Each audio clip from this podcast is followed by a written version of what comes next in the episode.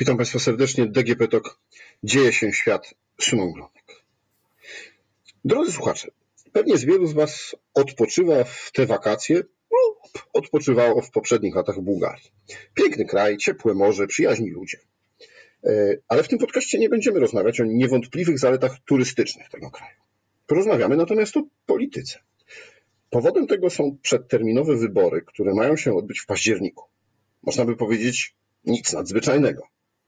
No ale jednak, będą to już czwarte wybory od kwietnia 2021 roku, czyli w przeciągu półtora roku.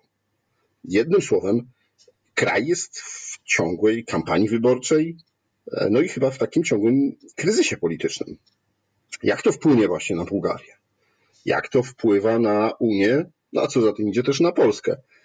E, no i jak to wszystko ma się do wpływów Rosji e, na Bałkany, ale też na całą Unię Europejską, o tym porozmawiam z Bojanem Stanisławskim, korespondentem bułgarskiego radia w Warszawie, dziennikarzem. Cześć, witaj. Witaj. No to jeszcze powiedzmy, że e, z urodzenia Bułgar, z wyboru Polak, tak? E, z urodzenia Bułgar, tak, no siłą okoliczności takich terytorialnych Polak, no, z przekonania kosmopolita. Okej. Okay.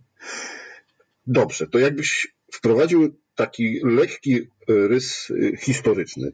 Co się wydarzyło te półtora roku temu, że zdestabilizowała się tak mocno e, scena polityczna w Bułgarii? Myślę, że to dobre odwołanie, bo to ta historia zaczyna się mniej więcej 18-20 miesięcy temu i związana jest przede wszystkim z atrofią e, reżimu premiera Bojko Borisowa, który rządził nie, no, z małymi, z krótkimi przerwami niemal 15 lat. I e, ta, ta, ta okoliczność no, już się jakoś tak zapowiadała, ponieważ e, ten jego, e, ten jego reżim był już tak zamortyzowany, tak strasznie zmęczony, tak już, tak już wykorzystany mm, i, i, i zdecydowanie Wyraźne e, dla wszystkich ostrożnych obserwatorów e, sprawy publicznej było to, że gdzieś już ta sprawa musi się skończyć. I mało tego, wszyscy, włącznie ze mną zresztą, e, takie przejawialiśmy naiwne nadzieje, że no, już ten, ta wielka smuta potransformacyjna odejdzie i może tutaj pojawi się szansa na coś nowego.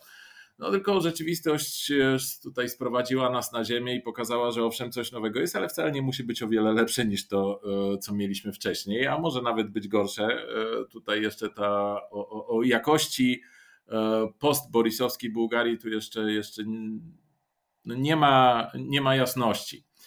Natomiast przede wszystkim czynnikiem, który należy brać pod uwagę jest, jest są międzynarodowe centra władzy. Dlatego, że w Bułgarii 60, 70, pewnie nawet więcej według niektórych analityków e, kwestii, które mają poważny polityczny ciężar, no decyduje się no nie w samej Bułgarii, tylko gdzieś, e, gdzieś za granicą. No i to może być Waszyngton, to może być Berlin, to może być Bruksela, w zależności od tego, o jaką konkretnie sprawę chodzi.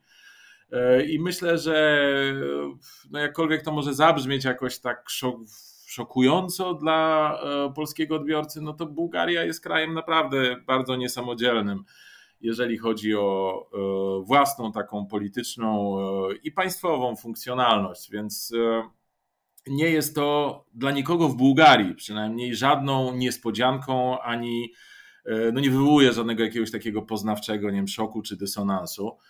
E, I e, cały ten, e, cały ten, cała ta konstrukcja, którą Borisow wykorzystywał właśnie przez, jak powiedziałem, niemal 15 lat,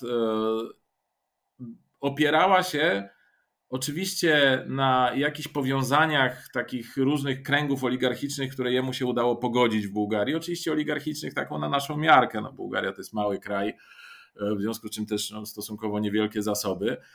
No ale jakaś tam właśnie taka oligarchia na naszą miarkę, która, e, która pod jego takim czujnym okiem i e, za i, i pod jakąś jego taką opiekuńczą ręką funkcjonowała dość dobrze i nie, nie wchodziła sobie wzajemnie w paradę, przynajmniej nie w takim stopniu, żeby to zakłócało bieg jakichś administracyjno właśnie politycznych wydarzeń, wydarzeń w Bułgarii. No ale ten model taki model, niekoniecznie ten, ale taki model no, ma swoje oczywiste ograniczenia. No, jednym z tych ograniczeń jest to, że w momencie, w którym e, lider takiego no, gangsterskiego układu słabnie, no to zaraz ktoś sięga nie, po, po jego pozycję, po jego prerogatywy i tak dalej.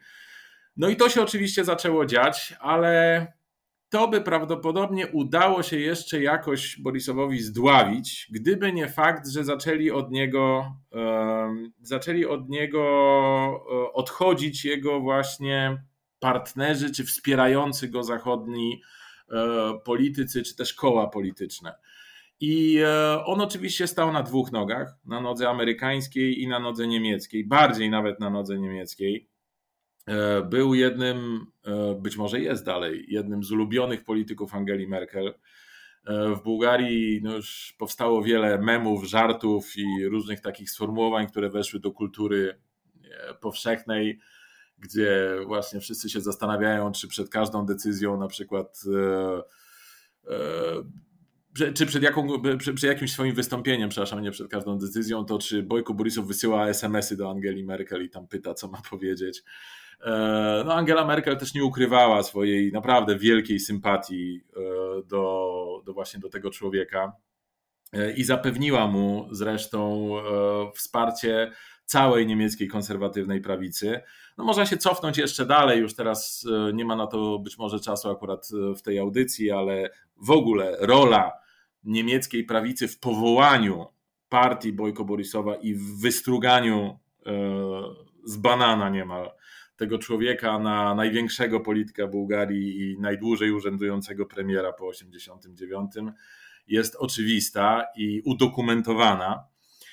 E, natomiast e, w sytuacji, gdy Amerykanie no, po pierwsze zobaczyli, że tak, Merkel już nie jest, e, nie jest kanclerką Niemiec po, po ostatnich wyborach i że mogą sobie pozwolić na jakiś ruch, który spowoduje zmianę przestrzeni politycznej w Bułgarii w sposób dla nich jeszcze bardziej, jeszcze bardziej, e, no dla nich jeszcze, jeszcze lepszy, jeszcze bardziej korzystny, no to postanowili to wykorzystać. Tam zagrano najpierw tym e, Magnicki Akt, e, żeby sponiewierać kilku najbliższych oligarchów, kilku najbliższych współpracowników oligarchów i, i przyjaciół Bojko Borisowa e, no i żeby wykorzystać też ten potencjał ludowego gniewu, który autentycznie wezbrał i który był zupełnie spontaniczny i no ja muszę nawet powiedzieć, że e, z pewnym zdziwieniem przyjąłem to, że on znalazł swoją, swój wyraz taki uliczny dopiero w 2021 roku, e, bo przecież Bułgarzy mierzyli się z licznymi problemami no, takiej natury ekonomicznej, nazwijmy to tak najogólniej, od bardzo dawna, no ale teraz ewidentnie nie wytrzymali i jeszcze do tego doszły różne te skandale takie korupcyjne, do których też Bułgarzy są przyzwyczajeni, ale jednak no, z tej skali bezczelność y, po prostu przekroczyła wyporność y, bułgarskiej opinii publicznej. No i mieliśmy do czynienia z protestami, które trwały no niemal nie bez ustanku przez pół roku. No tam nie można powiedzieć, e, że Bułgarzy codziennie przez te pół roku wychodzili na ulicę, ale prawie codziennie. E, no i ta kombinacja, to znaczy czynnik międzynarodowy i czynnik wewnętrzny, no doprowadziły do tego, że e, Bojko Borysow po prostu chcąc nie chcąc musiał ustąpić i no, zacząć sobie organizować życie jakoś inaczej.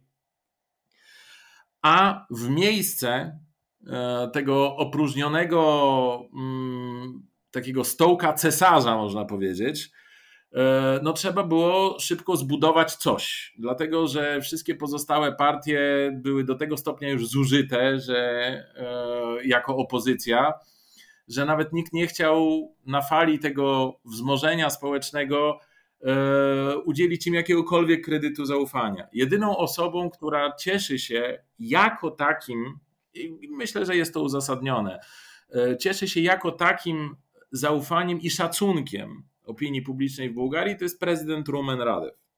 Dlatego, że to jest jedyna osoba w bułgarskiej polityce, która, e, no, co do której nie ma dowodów na to, żeby była zamieszana w cokolwiek. To jest też człowiek, który spędził życie w armii, jest byłym generałem, więc e, jego kariera polityczna jest swego rodzaju emeryturą e, wojsk, taką postwojskową. I on od samego początku, od swojej, od kiedy został prezydentem w 2016 bodaj roku, e, no, wyraża, e, wyraża, jest jakimś wyrazicielem tego, tego niezadowolenia mm, Bułgarów, no ale ze względu na to, że pełni funkcję prezydenta, który ma umocowanie konstytucyjne podobne jak ten e, w Polsce, no to wiele nie mógł zrobić ale w momencie, kiedy, e, kiedy Bojko Borisow e, no, musiał zdać e, premierski, premierskie stanowisko i, i, i władzę, no to dzięki Rumenowi Radewowi udało się doprowadzić do, pewne, do, do paradoksalnej sytuacji, chociaż właściwie paradoksalnej, ale jednocześnie charakterystycznej w ogóle dla Bułgarii, być może nawet dla Bałkanów, bo e, Rumen Radew doprowadził do powstania rządu technicznego. Po tym, jak mieliśmy e, nierozstrzygniętą pierwszą rundę wyborów 2 kwietnia bodaj minionego roku, i ten rząd został przez niego skonstruowany w sposób, który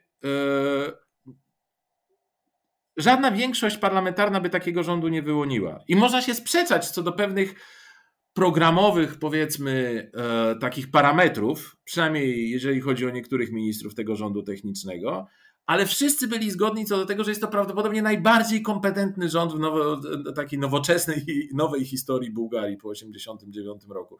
Ponieważ rzeczywiście bez względu na wszystkie jakieś tam kłótnie, bez względu na kłótnie takie polityczne, do których wszyscy jesteśmy przyzwyczajeni wszędzie, ale bez względu również na jakieś takie niuanse mm, zakulisowe, e, no udało się stworzyć rząd z ludzi, którzy się znają i z ludzi, którzy nie są powiązani z żadnymi jakimiś e, przynajmniej nie ma co do tego dowodów żadnych, ani nikt nie podnosił takich oskarżeń, którzy nie są powiązani z jakimiś takimi dziwnymi albo podejrzanymi właśnie kręgami, czy to ekonomicznymi, czy politycznymi, czy nie wiem, NGO-sowymi, czy jakimikolwiek innymi jakimiś grupami wpływu. No, Ale takie rządy krótko przeżywają. A ten żył właśnie, i to jest paradoksalny tutaj e, element, ten rząd żył bardzo długo i szczęśliwie i żyłby dalej, gdyby nie to, że przeszkodzały mu wybory. I to jest rzeczywiście e, takie, no zdaję sobie sprawę z tego, że to jest kuriozalne, ale no to, to, to świadczy też o tym, jak w ogóle wygląda e, liberalna demokracja w Bułgarii. No, i w ogóle można o tym rozmawiać w krajach naszego regionu, no ale w Bułgarii wygląda ona właśnie tak. No, to znaczy, liberalna demokracja generalnie opiera się na partiach no i, i na instytucjach. No więc partii w Bułgarii żadnych, które miałyby jakikolwiek autorytet taki, jakiego wymagała, wymagałaby systematyka liberalno-demokratyczna, nie ma. No wystarczy pójść do jakiegokolwiek ważnego bułgarskiego polityka i zapytać, kogo pan reprezentuje. No i oczywiście wtedy dostaniemy odpowiedź, że ja reprezentuję cały naród i, i generalnie no, na tym kończymy. No bo przypominam, no, wykorzystam tę okazję, żeby przypomnieć, jako co prawda niecertyfikowany politolog, ale jednak, że partia to znaczy część. No i partie są po to, żeby reprezentować jakąś część społeczeństwa. U nas nie ma. No, bułgarskie społeczeństwo wygląda jak, nie wiem, miska kaszy jaglanej. No, w jaki sposób miałyby się tam wyłonić jakiekolwiek grupy? E, chyba, że mielibyśmy, nie wiem, spoglądać na kwestie etniczne albo na kwestie religijne, no, albo nie wiem, na jakieś upodobania estetyczne. Natomiast jeżeli chodzi o, o, o zagadnienia takie, które miałyby generować jakieś polityczne motywacje, no to to po prostu się ewidentnie nie dzieje. I dlatego nie mamy partii takich, które mają swoje elektoraty i które o nie zabiegają, i dlatego wybory i ta, ten cały system taki elektorski, elektoralny, przepraszam, no to on, y, on rzeczywiście jest, y, zamiast być jakąś tą takim kołem napędowym bułgarskiej, bułgarskiego, bułgarskiej demokracji, jak to się mówi, no to on jest takim właściwie, on jest kijem w szprychy, dlatego że, Bułga, że, że rząd tak naprawdę, ten, który powołał Rumen Radę w, w połowie ubiegłego roku, no to był rząd, który zaczął sprzątać natychmiast po Borisowie. Coś tam zaczął robić, żeby jako tako to państwo, mm, no, no, żeby jego instytucje zaczęły funkcjonować i żeby zaczęły funkcjonować zgodnie ze swoim przeznaczeniem. Dlatego, że Bojko Borisow był takim carem Bułgarii, który właściwie miał całe państwo na swoich usługach. To znaczy on poprzez różne swoje, mm, poprzez, poprzez swoją partię właściwie, no, to, to, to poprzez swoich funkcjonariuszy w tej partii kontrolował wszystkie instytucje i to do tego stopnia, że nawet e, w takich zupełnie lokalnych jakichś e, okolicznościach. To znaczy, nie wiem, wyobraźmy sobie małe bułgarskie miasteczko, e, tradycyjnie z bazarem, bo w małych, w dużych zresztą też są bazary, na które ludzie chodzą i tam ludzie sprzedają, nie wiem, warzywa, owoce albo jakieś inne produkty żywnościowe. No i w małym bułgarskim miasteczku każdy, no nie każdy, no ale powiedzmy, jeżeli ktoś chciał mieć swoje takie stanowisko, z którego mógłby normalnie korzystać i na którym nie byłby stratny, płacąc jakieś horrendalne sumy za, nie wiem, jego wynajem albo, albo, jakiś, albo coś podobnego, no to musiał właśnie współpracować z partią GERB. No i partia GERB wtedy mu tam wyznaczała jakieś zadania, co on miał robić, czego miał nie robić, albo w jaki sposób miał wykorzystywać swoje stanowisko służbowe do tego, żeby e, no żeby sprzyjać tutaj władzy. No i, e, i, i, i to są. I podałem ten przykład po to, żeby żeby pokazać, że skoro to się działo na, tego, na takim poziomie, to jak musiała wyglądać, e, jak, musiała wygl- jak musiało wyglądać działanie instytucji tych centralnych, tych na poziomie wyższym. No więc one były po prostu przedłużeniem prawej lub lewej ręki Borisowa w zależności od tego, co trzeba było załatwić, jaka tam jakaś korporacyjno-mafijna sprawa była gdzieś do załatwienia. I e, w momencie, kiedy powstał rząd, który no nie był uwikłany żadne, po żadnej stronie ani przeciwników Borisowa oligarchicznych, ani tych popleczników jego oligarchicznych, no to mógł sobie pozwolić na jakieś takie działania, proste działania sprzątające. No i zaraz się okazało, że jeżeli gdy minister finansów pociągnął za uszy na przykład jednego czy drugiego naczelnika urzędu skarbowego, to nagle się znalazły jakieś pieniądze, nagle się rozpoczęły jakieś kontrole, nagle się zaczęła, zaczęła się po prostu praca instytucji. No i e, tak oczywiście było też w innych sektorach i ludzie nabrali bardzo szybko takiego przekonania, że o, to jest rząd, któremu można zaufać.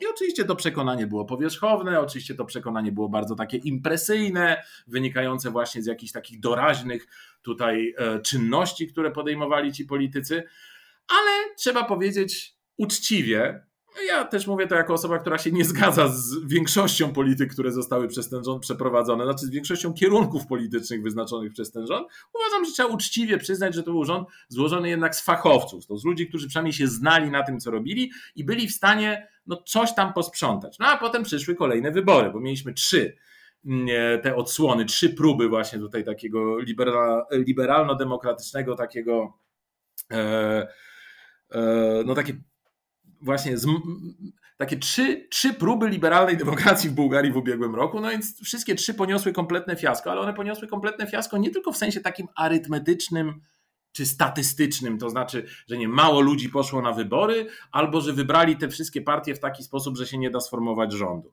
No więc problem nie był jakby problemem nie były te partie, ani problemem nie było to, że mało ludzi głosowało. To znaczy, to oczywiście w ogóle w skali takiej ogólniejszej to owszem są problemy, ale przede wszystkim chodziło o to, że nie dało się zagłosować na ten konkretny rząd, dlatego że on nie reprezentował żadnej partii, a ludzie by chcieli na, nie, chcieli na niego oddać głosy.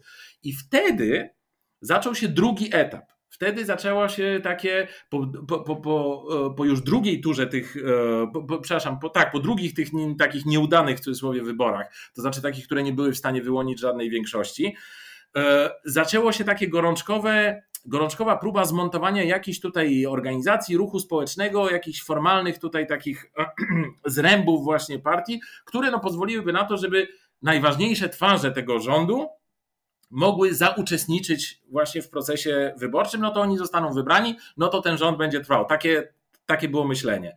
No niestety to myślenie okazało się też niezbyt, e, no takie trochę życzeniowe. Dlatego, że e, wszyscy zaczęli pretendować do, e, do, do, do miana tych twarzy tego rządu. No jak wiadomo, sukces ma wielu rodziców, tylko porażka jest sierotą. No więc e, konkurencja się zrobiła bardzo duża I tutaj znowu wkroczył czynnik międzynarodowy, no dlatego, że gdy jest duża konkurencja właśnie na tym wewnętrznym, w tym wewnętrznym obszarze, no to zaczyna się poszukiwanie jakiegoś elementu, który, który przeważy. I e, ponieważ, tak jak już tutaj wskazałem, może trochę anegdotycznie, ale no, bułgarska demokracja działa w sposób bardzo koślawy, więc nikt nie szuka takiego autentycznego poparcia społecznego, że dobrze, to ja teraz zrobię coś i tu zagłosuje na mnie więcej ludzi, tylko trwają, te, tylko natychmiast się pojawiają takie, uruchamiają się takie biurokratyczne instynkty, gdzie ja tu coś mogę teraz załatwić, żeby ktoś coś dla mnie zrobił i żebym ja ja jednak został właśnie twarzą tego rządu i ostatecznie się utrwalił jako tutaj jego właśnie taka personifikacja i żeby potem na mnie zagłosowało więcej ludzi. No więc najłatwiej jest sięgnąć oczywiście w takich okolicznościach po, e, po wsparcie jakiegoś czynnika międzynarodowego. To jest sprawa standardowa w Bułgarii, wszyscy są do tego przyzwyczajeni, to dla nikogo, e, u nikogo nie wzbudza żadnego jakiegoś e, zdumienia. Więc, e, więc dwóch takich e, specjalistów, e, jeden się nazywa Kirill Petkow i do niedawna był właśnie premierem Bułgarii, a drugi Asen Wasilew, to tacy naprawdę dwóch kolegów, którzy, którzy sobie no, wyrobili jakąś pozycję jako mm, politycy właśnie tego rządu tymczasowego, który pod auspicjami prezydenta Radewa działał. No i Udało im się też tego tymczasowego premiera Stefana Janewa, też byłego generała nawiasem mówiąc, e, udało się go gdzieś tam e, zepchnąć na dalszy plan. No i e, oni rozpoczęli wtedy taki wielki marsz po władzę i stwierdzili, że oni tutaj teraz doprowadzą do obalenia, jak to nazywają, modelu Borisowa.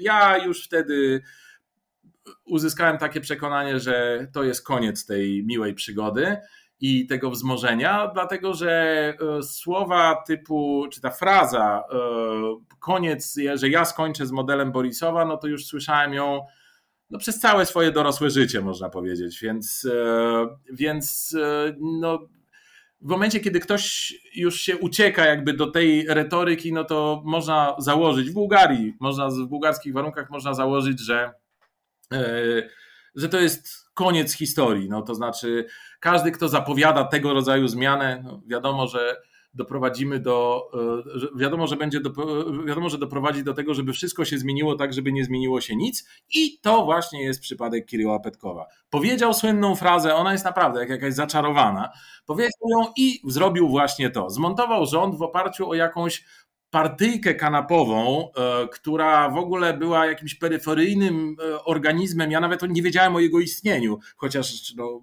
obserwuję z e, wielką ostrożnością scenę polityczną w Bułgarii, ponieważ to też tutaj warto wtrącić. W Bułgarii administracyjnie trudno jest założyć partię.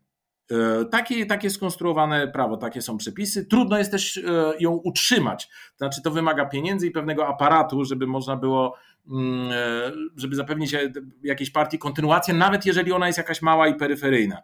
No więc wzięli tę małą i peryferyjną partię, o której nie wiadomo skąd miała pieniądze, żeby funkcjonować i przez nikogo nie zauważona i po co była powołana, no ale wzięli, na, wskoczyli jej na plecy i zrobili, powołali e, takie, taki brand pod tytułem Kontynuujemy zmiany i tak się nazywają bułgarskie partie. To nawiasem mówiąc też bardzo dużo mówi. Bułga, partia pod tytułem Kontynuujemy zmiany. Inna partia, która też przez takiego showmana, takiego można powiedzieć bułgarskiego, nie wiem, zeleńskiego, została powołana e, pod tytułem jest, tak, jest, jest taka nacja, czy jest taki naród.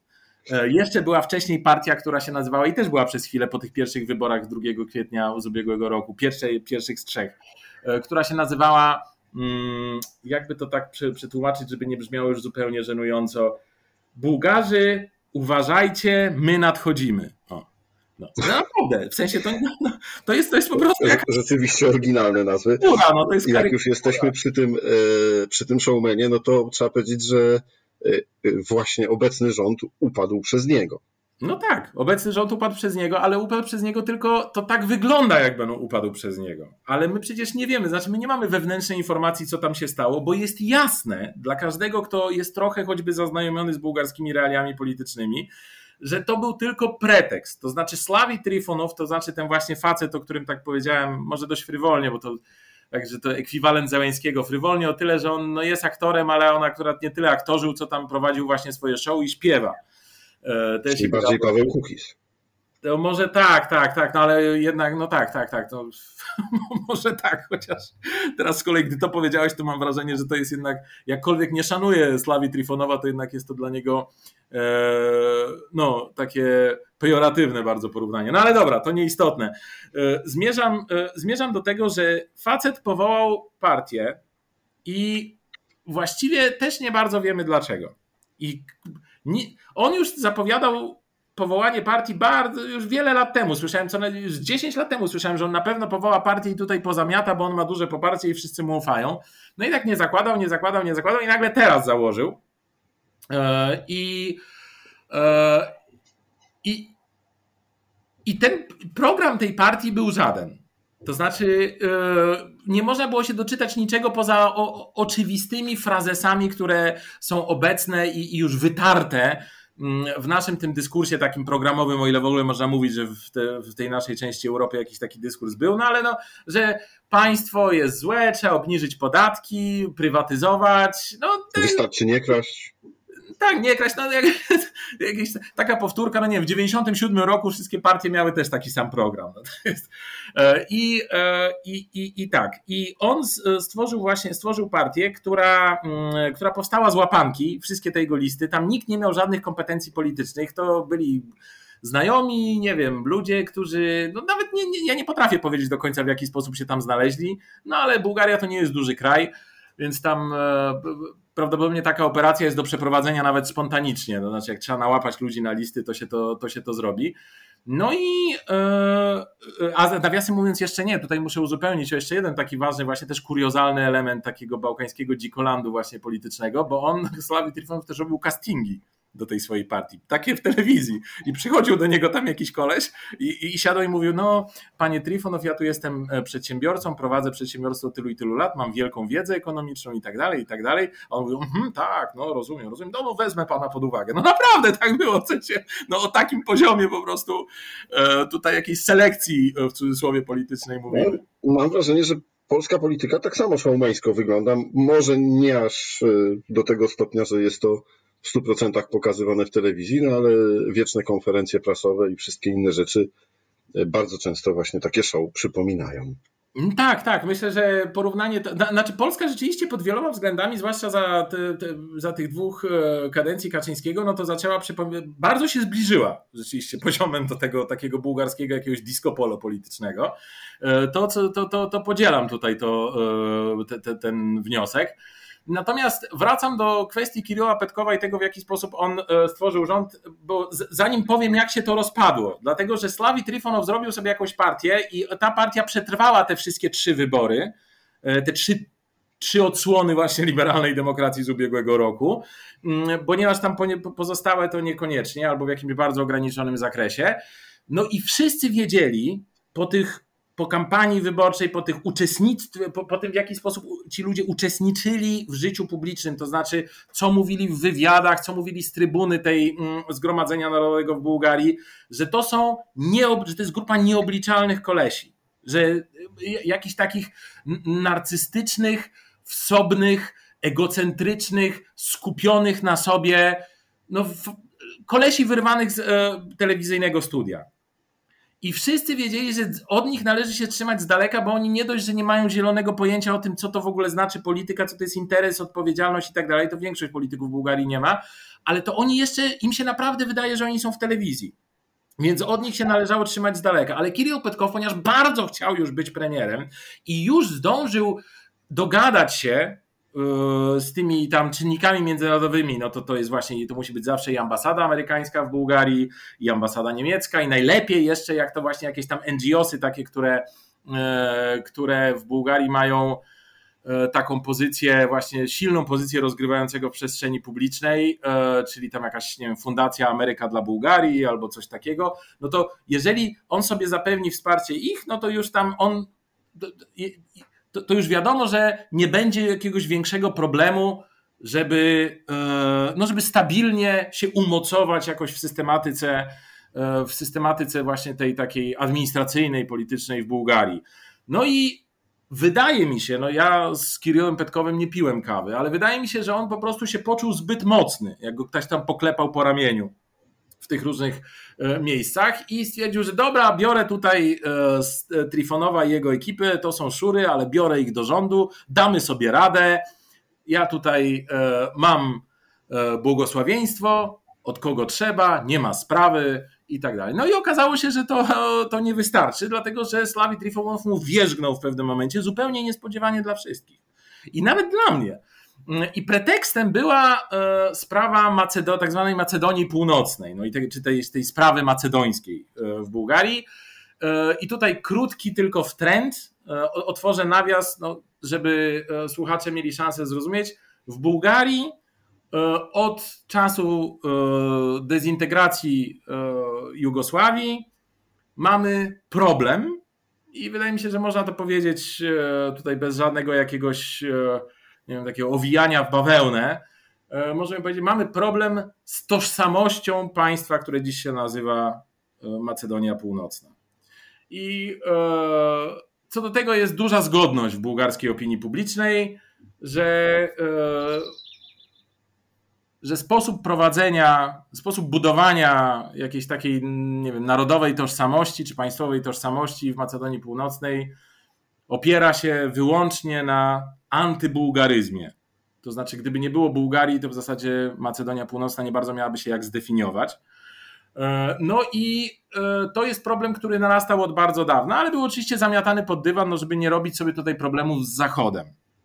E, I w momencie, w którym Macedonia Północna zgłosiła akces, znaczy zgłosiła chęć wstąpienia do Unii Europejskiej i rozpoczęły się tam pewne procedury, bardzo wstępne, co prawda, no to e, bułgarski rząd e, wtedy e, stwierdził, że, że już ten okres tolerancji dla tych ekscesów antybułgarskich się skończył i że albo oni przykręcą sobie trochę śrubę, przynajmniej na tyle, żeby, no, żeby, żeby nie było to tak ostentacyjnie obraźliwe dla Bułgarów, albo nie wejdą do Unii Europejskiej.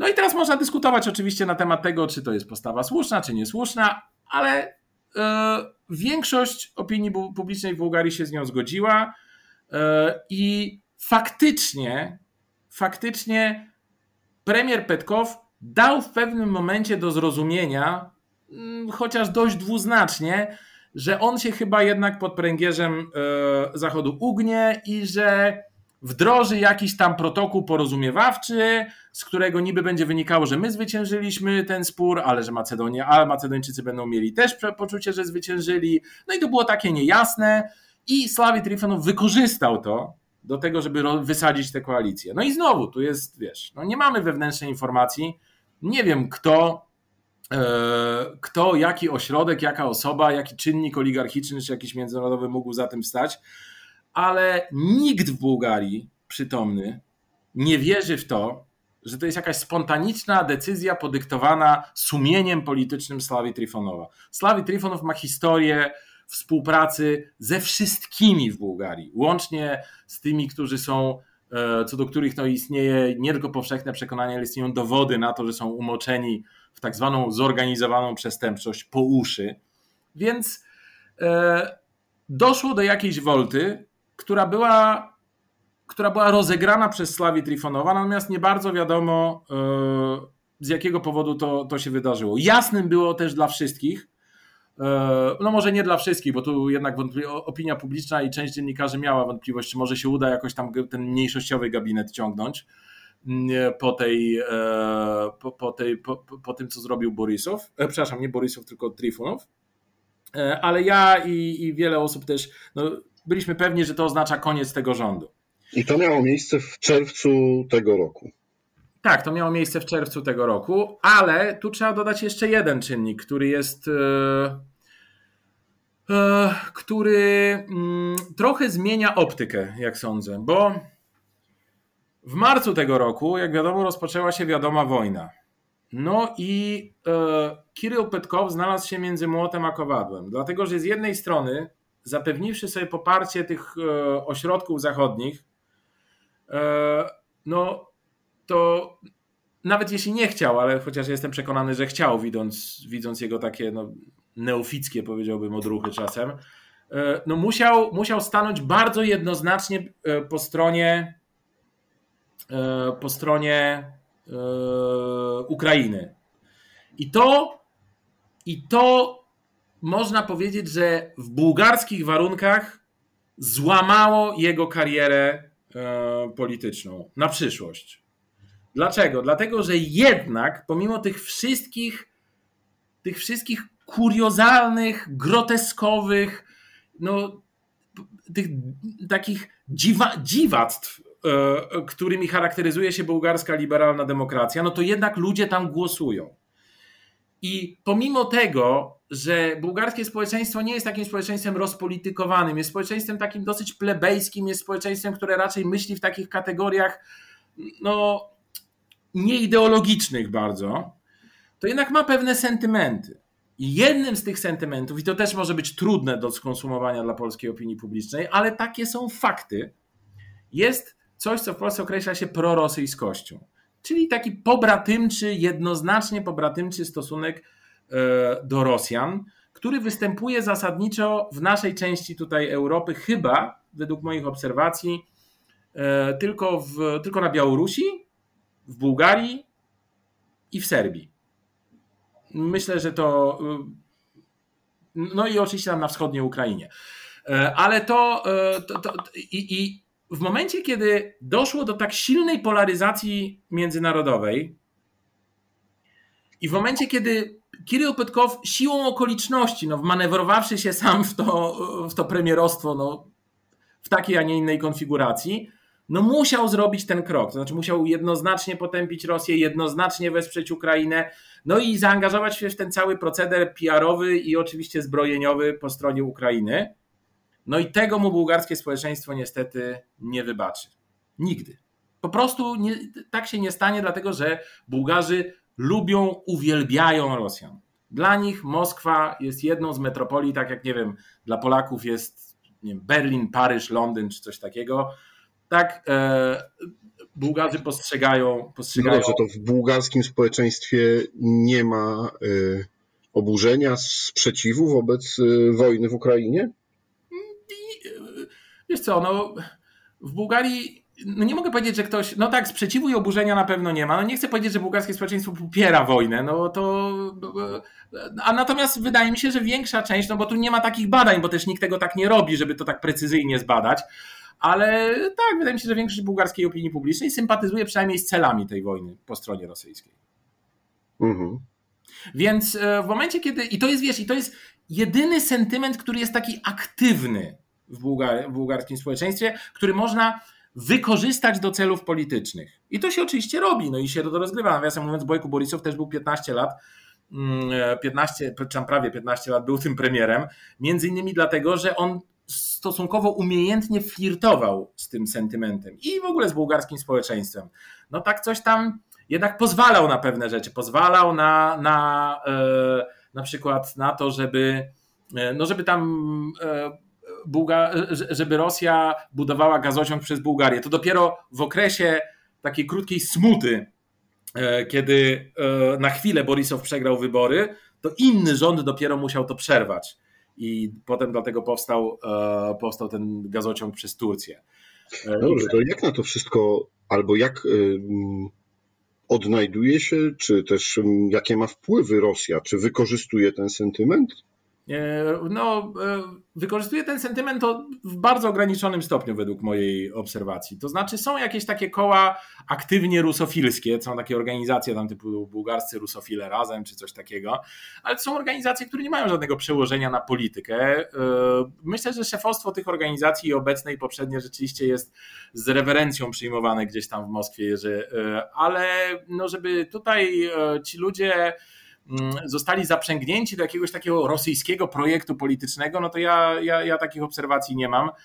E, w tym no sensie. Wiadomo, że e, Putin też buduje swoją siłę międzynarodową poprzez, e, no właśnie, gospodarkę, poprzez inwestycje. No tak. To no widzimy bardzo dobrze, jeśli chodzi o politykę niemiecką, tak? No tak, tak, oczywiście. No, wydaje mi się, że to jest no, że to jest jakiś taki jakiś naturalny instrument, który duże państwa wykorzystują. No, to znaczy albo, albo inwestują, albo próbują właśnie jakichś takich um, próbują jakiegoś takiego zamieszania politycznego, na który, dzięki któremu albo na które, albo na rezultat, którego mogą uzyskać wpływ. Natomiast moim zdaniem Rosja zrobiła, zważywszy na to, jaki potencjał mogłaby mieć w Bułgarii, bardzo niewiele. Był jedynym takim poważnym, poważnym rzeczywiście udziałem E, no ale też nie mam na to żadnych dowodów, to jest tylko moja obserwacja czy jakaś moja spekulacja. To była taka partia, Ataka się nazywała, która była e, przez dosyć długi okres bardzo aktywna w życiu politycznym w Bułgarii. No partia taka nacjonalistyczna, no taki PiS w zasadzie, tylko bez fundamentalizmu religijnego, bo w Bułgarii na to nie ma miejsca e, w kulturze. No ale tak, taki, taki PiS, który właśnie, mm, no i tam ten, ten, ten szef tej partii, też zresztą człowiek niezrównoważony zupełnie, E, no ale, ale o jednak pewnych takich walorach i charyzmie, która, no, które zapewniły mu miejsce na pewno do tej nowej historii Bułgarii. On, e, on rzeczywiście no, miał takie momenty, kiedy na przykład w, ambas w ambasadzie tam rosyjskiej w Bułgarii robił jakieś takie E, takie, no nie wiem jakby to nazwać, takie stand-upy wyborcze, to znaczy no tam coś referował właśnie na przykład do dziennikarzy w, e, we foyer tej ambasady albo z okna tej ambasady machał flagą rosyjską. No takie to było, no ale to było i minęło. Potem ten sam Wolen już w koalicji z Bojko Borisowem podpisał wszystkie koalicyjne, e, koalicyjne porozumienia, które ociekały euroatlantyzmem po prostu takim barokowym. Więc, więc to, był, to, to była taka próba, która mm, w ogóle tutaj Rosja była rzeczywiście w to jakoś aktywnie zamieszana, e, to, to, no to była próba, która kompletnie nie wypaliła. E, I, e, i, i, I od tamtego czasu ja nie zauważyłem żadnych wpływów, o których można by powiedzieć, że tutaj mamy, o, że mamy jakieś wpływy. No tak, no był Lukoil w Bułgarii, nie wiem czy dalej jest, bo tam nie wiem jak to z tymi sankcjami, nie byłem tam od kilku miesięcy, więc nie, nie potrafię powiedzieć. Ale, mm, ale poza tym, no tak, no jest to paliwo do elektrowni jądrowej w Kuzluduj, I to, to jest rzeczywiście ważna sprawa, bo jeżeli będziemy dźgali tego rosyjskiego niedźwiedzia e, rozgrzanym żelastwem, no to on się może w końcu zdenerwować i przestać nam to paliwo przesyłać, a innego się nie da, nie, nie da, e, innym paliwem się go nie da zastąpić. I to nie jest tu żadna rosyjska propaganda, tylko to po prostu są konkluzje bułgarskich naukowców. Więc. Więc tu Kirill Petkow się znalazł przez to w potrzasku. No, to znaczy on E, on, on rzeczywiście, no tak jak polskie powiedzenie, no chciał dobrze, a wyszło jak zawsze, to znaczy no uwikłał się w jakiś, e, w jakiś nieprzewidywalny dla niego i, i trudny do kontrolowania mm, schemat. E, zrobił to, co musiał zrobić, czyli no właśnie poparł, poparł Ukrainę, tam wprowadził sankcje, z, zgodnie ze wszystkimi tymi pakietami europejskimi nałożył na Rosję, na rosyjskie statki, samoloty rosyjskich obywateli i tak dalej. No i dopiero kilka dni później zorientował się, że strzelił sobie w stopę e, albo gdzieś wyżej, bo tak, natychmiast w ciągu 24 godzin odwróciło się od niego cała opinia publiczna, czy też większa część opinii publicznej. E, natychmiast e, zadrżało w posadach bułgarskie, bułgarska turystyka, która się utrzymywała głównie z Rosjan natychmiast e, właśnie stanęło pod znakiem zapytania, chociaż nie natychmiast, to, to właściwie później, bo jeszcze przez chwilę on myślał, że tak no pogada, pogada i to puszczą mu płazem w ambasadzie rosyjskiej albo gdzieś tam na Kremlu, no i że zrozumieją, no, że musiał.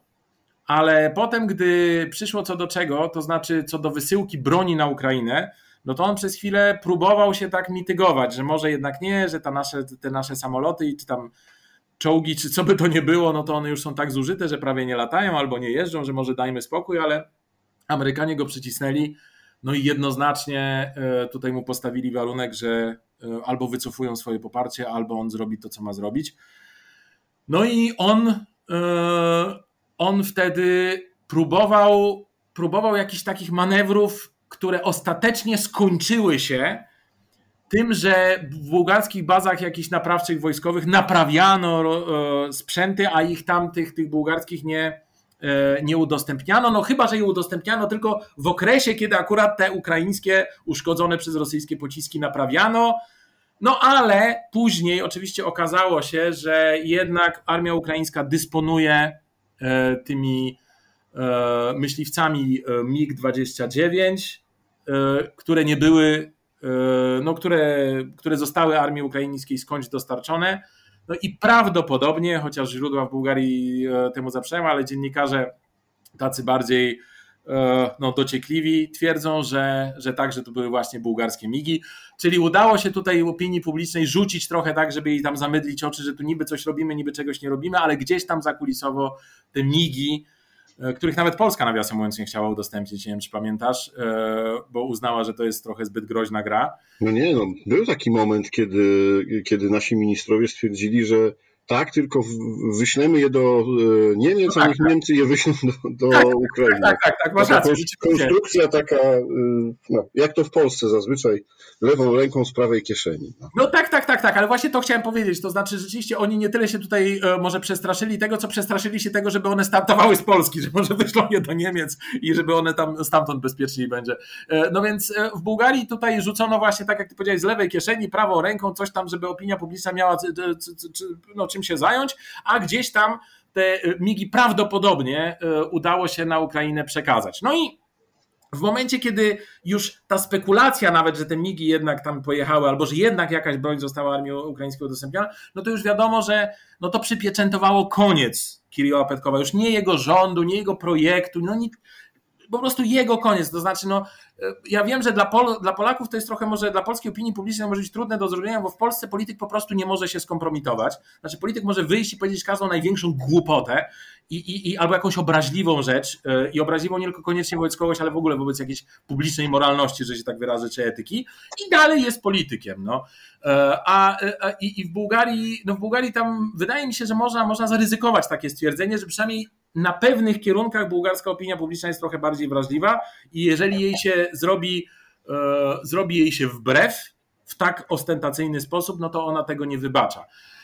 Natomiast e, jednocześnie chcę powiedzieć, że jest to taka no też konkluzja, e, nawiązując do tych wcześniejszych moich uwag o stanie liberalnej demokracji w Bułgarii, no smutna, dlatego że no chciałoby się zobaczyć społeczeństwo, które rzeczywiście myśli autentycznym przejęciem, y, z autentycznym przejęciem o własnym jakimś grupowym, klasowym, jeżeli ktoś, interesie y, i wyłania jakieś przedstawicielstwo, które później w ramach właśnie jakiegoś porządku parlamentarnego no, tym interesem stosownie dysponuje.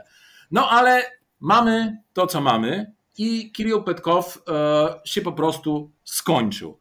No i zaczęła się kolejna, zaczęła się powtórka moim zdaniem z ubiegłego roku.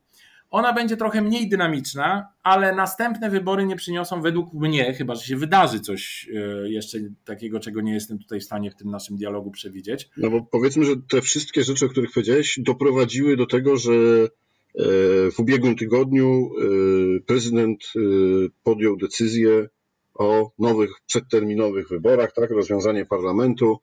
1 września zaczyna się kampania. Tak, 1 września zaczyna się kampania, w październiku będą będą wybory, no i gdyby były w kwietniu, tak jak w zeszłym roku, to byśmy mieli pewnie trzy tury, ale teraz tak, w, w październiku zrobią.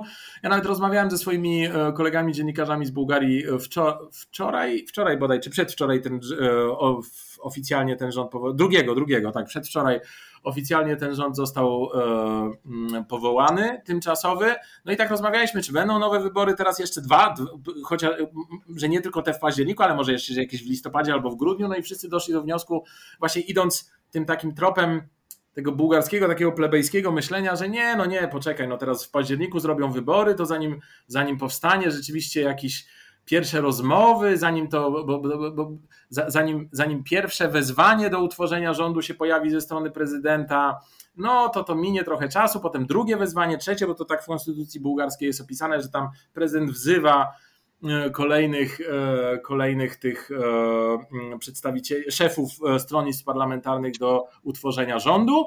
No i to są trzy rozdania zawsze. Jest pierwsze, które się wręcza tej partii z największą reprezentacją, matematycznie biorąc, potem drugiej, trzeciej, a trzeciego to już nie trzeba, tej z największym, tylko można innym, jeżeli się e, uważa, jeżeli prezydent uważa, że tu ktoś inny ma większe szanse na powołanie, sformowanie gabinetu, ale zmierzam do tego, że nie, w tym roku nie będzie, bo to zanim to wszystko zrobią, to zaraz będą święta, potem nowy rok, więc prawdopodobnie następne wybory będziemy mieli pod koniec, e, pod koniec e, stycznia albo jakoś na początku lutego.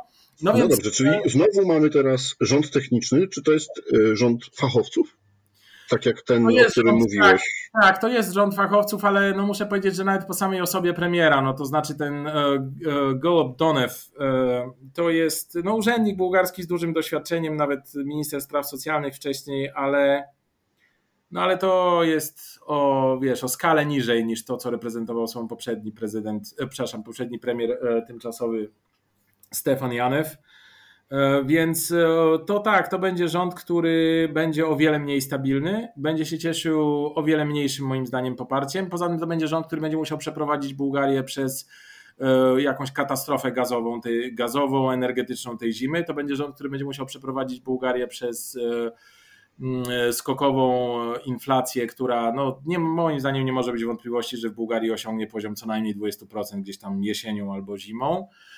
E, I, e, no i to jest rząd, który, któremu w zasadzie no, wszystkie drogi zostały zamknięte. No, to znaczy, on nie ma żadnego ruchu. No, on może wyłącznie polegać już teraz tylko na tym, że e, no, na jakąś, może liczyć na jakąś łaskawość ze strony Unii Europejskiej albo ewentualnie Waszyngtonu, a i Unia Europejska i Waszyngton są w tej chwili o wiele bardziej zajęte swoimi własnymi problemami i na jakiś taki peryferyjny kraj, jakim jest Bułgaria, nikt nie będzie zwracał uwagi, już na pewno nikt nie będzie w niego inwestował jakieś, już nie mówię o, o zasobach, ale, ale w ogóle swojej uwagi.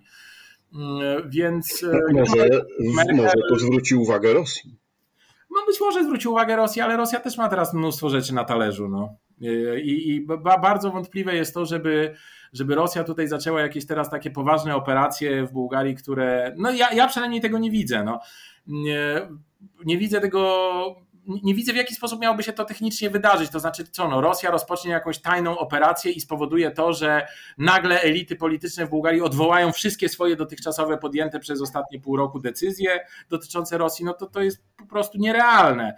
E, I, e, i, I naprawdę nie wiem, co musiałoby się wydarzyć po tych wszystkich e, po tym, tam, tym wielkim rozstaniu, które następuje z coraz większą intensywnością pomiędzy Zachodem, do którego Bułgaria się zapisała, yy, i, Wschodem, to znaczy nie wiem, Chinami, Rosją, no, czy tam krajami BRICS i tak dalej. Yy, nie bardzo, nie, nie, bardzo sobie wyobrażam, nawet nie bardzo widzę, wiesz, no nie bardzo widzę jakąś chęć. No nie wiem, ja znam język rosyjski, czytam rosyjskie media yy, i w ogóle nawet nie przewinęło się nigdzie. Ja nie widziałem takiej, takiej jakiejś tutaj sygnalnie choćby, żeby ktoś za, za zapuścił taki temat, że o, może byśmy coś zrobili w Bułgarii, nawet tak subtelnie jakoś. Więc e, wydaje mi się, że zainteresowanie Bułgarią jest naprawdę zerowe. No, jest jakieś zainteresowanie Rosji Serbią rzeczywiście, bo Serbia jest krajem, no, który od, od, dawna był bardzo lojalny wobec Rosji. No a też te sentymenty, o których wspomniałem, są zbliżone do tych bułgarskich. No ale to też, no Serbia no wszyscy mówią, że to jest taka, takie miejsce, gdzie tutaj Rosja coś może. Co Rosja może? Rosja nie może tam nawet wysłać swojego premiera, przepraszam, nie premiera, tylko ministra spraw zagranicznych. No, to było w zeszłym miesiącu, tak nie mógł dolecieć, bo, bo wszystkie kraje zamknęły. Wszystkie ościenne kraje, ościenne Serbii zamknęły przestrzeń powietrzną. Więc wydaje mi się, że nie ma, nie ma tutaj e, za bardzo ruchu Rosja. No. Nie wiem, co by musiała zrobić. No to moim zdaniem, gdyby Rosja coś chciała robić, to należało myśleć o tym wcześniej, a teraz to już jest na, na wszystko za późno. To z ręką w nocniku to się każdy może obudzić i nawet jak jest wielkim mocarstwem, to, to nic z tego wcale nie musi wynikać. Czego Bułgaria moim zdaniem jest jakimś dowodnym przykładem. No dobrze. To z, jaki te wszystkie układanki e, polityczne wewnątrz e, Bułgarii mają wpływ na e, Unię Europejską, no i w konsekwencji też na, na Polskę? Żadnego. Bułgaria nie ma żadnego znaczenia, ani jakiegoś takiego geostrategicznego, jak to się ostatnio mówi, ani znaczenia ekonomicznego. Bułgaria jest w tej chwili terytorium e, o przygasających funkcjach państwowych. Mamy, e, gdy ja się przeprowadzałem do Polski e, w pierwszej połowie lat 90., to w Bułgarii mieszkało prawie 10 milionów ludzi. Teraz, według oficjalnego spisu sprzed dwóch lat, oficjalnie mieszka 7,5 miliona. Ja nie znam nikogo i nie znam nikogo, kto by nie znał nikogo w Bułgarii, kto by nie miał rodziny albo kolegów za granicą. Więc e, realnie biorąc, na terytorium Bułgarii w tej chwili mieszka prawdopodobnie około 6 milionów ludzi. Czyli straciliśmy, e, nie wiem, dwie piąte społeczeństwa w ciągu 30 lat bez żadnej wojny. Tam nie było żadnego front, tamtędy nie przechodził. Więc e, mówię o tym tylko dlatego, żeby sobie wyobrazić skalę żeby spróbować dać jakieś, jakieś wyobrażenie o skali katastrofy, jaka się tam rozegrała e, i, i, i o jej następstwach. Wszystko to, co Bułgaria kiedyś eksportowała, mam na myśli głównie warzywa i owoce oraz tytoń, ale no powiedzmy tam produkcja agrarna, wszystko to, co Bułgaria kiedyś eksportowała i co, co, co było jakimś, nie wiem, symbolem, można powiedzieć, Bułgarii, czyli nie brzoskwinie, e, papryki, arbuzy i tak dalej, wszystko to Bułgaria dzisiaj importuje. Niektóre rzeczy nawet z Polski. E, baza przemysłowa Bułgarii nie istnieje. Po prostu nie ma produkcji przemysłowej praktycznie w Bułgarii. E, baza technologiczna, wysokie technologie, baza naukowa została zlikwidowana w ciągu pierwszych kilku lat transformacji. A Bułgaria była krajem, która produkowała komputery, które, były, które obsługiwały radzieckie stacje kosmiczne.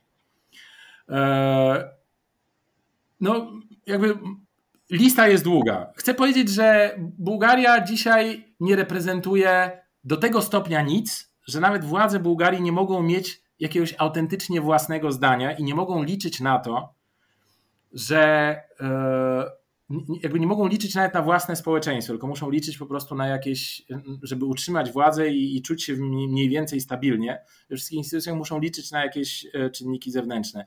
W związku z czym dla Polski cokolwiek by się w Bułgarii nie stało, nie będzie miało znaczenia tak długo, jak ktoś, nie wiem, jak coś się nie zmieni w Słonecznym Brzegu albo Złotych Piaskach, czyli tam, dokąd e, Polacy najchętniej jeżdżą na, na te bułgarskie wakacje, o których e, wspomniałeś no, w zagajeniu do naszej rozmowy dzisiaj.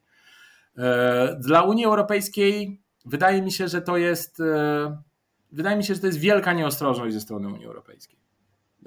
Bo Unia Europejska nie ma szans na spójność jakąkolwiek w jakiejkolwiek materii, jeżeli będzie dopuszczała do tego, żeby takie upadłe państwa, jak Bułgaria, e, były, no były po prostu jej częścią i były, i żeby ten model, ten patologiczny model był przez nią wspierany. Dlatego, że e, po pierwsze, taka pasywna, e, pasywna obserwacja jest też formą zgody, a po drugie, Unia Europejska, jak wiemy, transferuje duże środki do różnych, e, do różnych państw, do różnych organizacji i do różnych e, rządów i, e, i, i do władz lokalnych.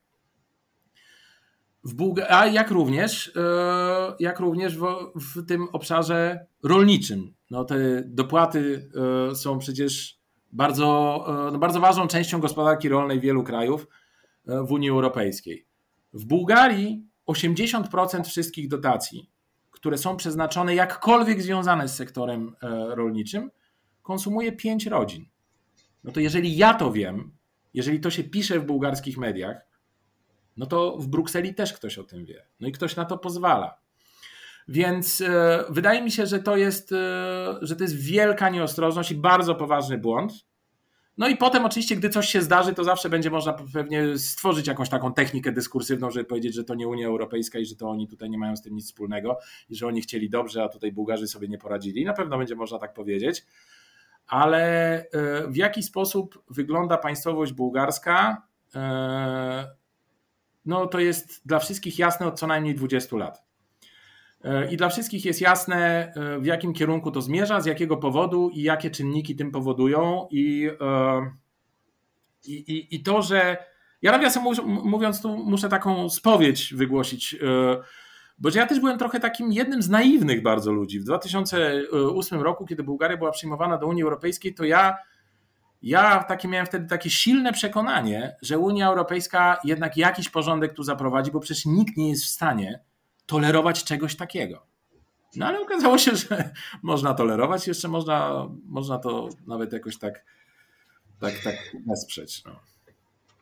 no cóż, pozostaje nam tylko e, obserwować, co będzie się działo dalej.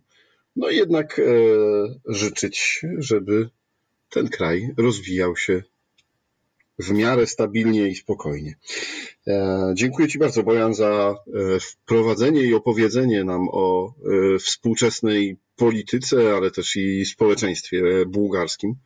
Myślę, że dla wielu Polaków to nowe, a może i czasami zaskakujące informacje. Dziękuję również. Mam nadzieję, że ta opowieść okaże się co najmniej tak interesująca, jak przynajmniej wakacje w Bułgarii.